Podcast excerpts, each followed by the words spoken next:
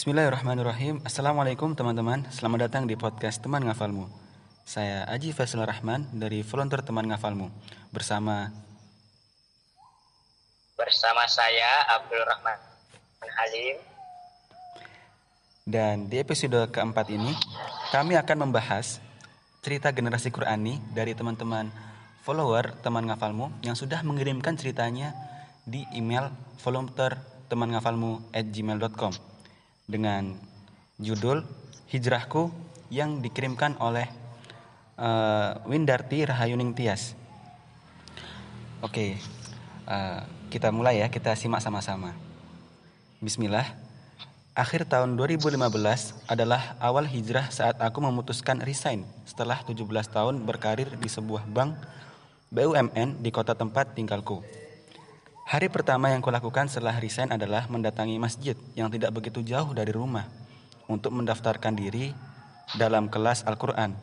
Karena aku ingin memperbaiki bacaan Al-Quranku. Baik, dari sini uh, paragraf yang pertama ini gimana menurut Ah Abdul? kalau menurut aku ya uh, pengorbanan uh, saudari kita ini luar biasa banget ya. Soalnya dia telah uh, dia memutuskan uh, meninggalkan uh, pekerjaannya yang udah 17 tahun gitu kan. Udah berkarir di sana selama 17 tahun dan uh, memutuskan untuk uh, memperbaiki bacaan Al-Qur'annya. Sungguh niat yang sangat mulia ini menurut saya ya. Iya benar-benar. Jadi kepentingan untuk akhirat itu kelihatan apa ya uh, tertata gitu dan mementingkan uh, akhirat gitu ya akhir. Iya. Oke. Okay. Luar biasa hidayah yang da datang ya hidayah untuk membaca Al-Quran itu datangnya tepat waktu gitu. Iya iya masya Allah. Nah, terus dilanjut lagi nih, aku benar-benar memulai dari nol belajar Al-Quran Meskipun sebelumnya aku sudah membaca Al-Quran, namun bacaanku tidak didasari ilmu tajwid yang benar. Sepekan dua kali aku masuk kelas yang dimulai dengan buku Umi jilid satu. Alhamdulillah kurang lebih dalam empat bulan aku sudah dinyatakan lulus dan bisa melanjutkan ke Al-Quran. Nah gimana pendapatmu? Masya Allah. Ini kesungguhannya.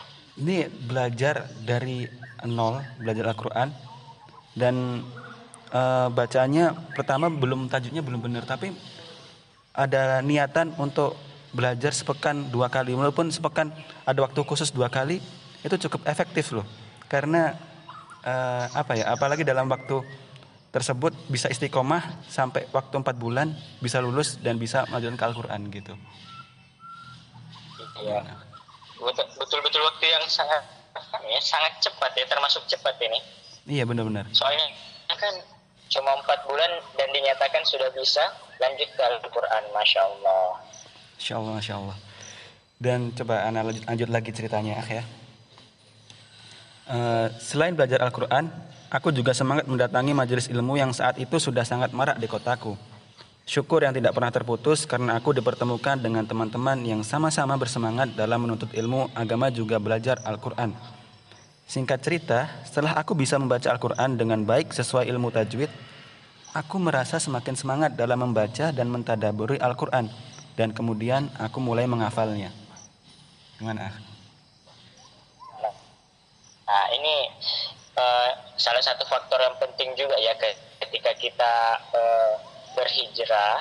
Nah, teman-teman teman-teman yang baik itu kita butuhkan untuk uh, mensupport kita agar tetap istiqomah di jalan yang benar ini.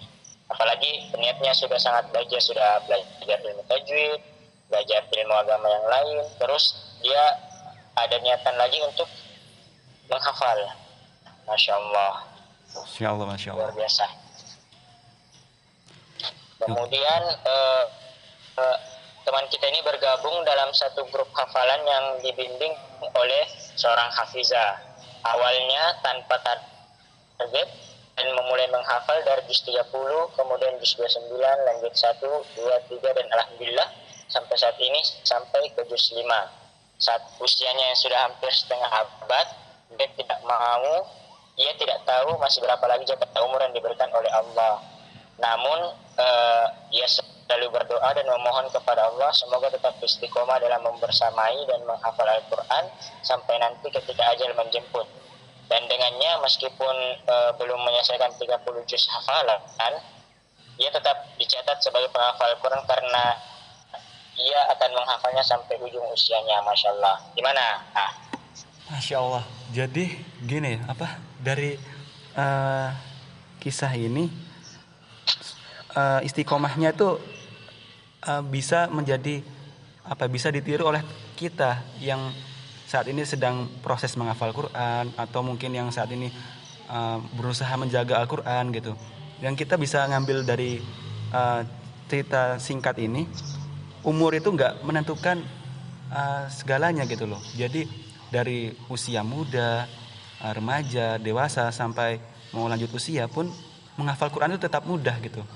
Jadi menurut Ana umur itu bukan sebagai keterbatasan dalam menghafal Quran, juga menjaganya gitu. Ya gitu. Jadi menurut Ah Abdul gimana kesimpulan dari cerita ini? Jadi umur itu bukan hambatan ya malah bisa jadi umur itu sebagai batu loncatan biar kita lebih semangat lagi dan uh, poin penting yang paling saya garis bawahi di sini ialah uh, bagaimana uh, teman kita ini paham betul bahwa seorang penghafal Al-Quran itu bukan yang hafalannya selesai 30 juz tapi bagaimana seorang penghafal Al-Quran itu yang uh, apa siap menghafal dan istiqomah sampai akhir hayatnya. Jadi menghafal itu bukan sampai selesai 30 juz, tapi sampai kita tidak ada lagi di dunia ini. Masya Allah. Masya Allah. Nah, itu poin penting yang aku tambahin. Iya benar-benar. Jadi di episode keempat ini, ya alhamdulillah ceritanya cukup memberi motivasi lebih, juga memberi semangat untuk kita semua gitu. Jadi ya. mungkin bisa kita cukupkan di sini episode keempat. Jika teman-teman punya cerita yang menarik seputar menghafal Quran atau punya ide yang ingin kita bahas, bisa email di volunteer teman ngafalmu at gmail.com atau DM di Instagram ya at teman.ngafalmu dan jangan lupa follow saya Aji Faslur Rahman dan dan saya Abdul Rahman Halim. Kami pamit dan Assalamualaikum warahmatullahi wabarakatuh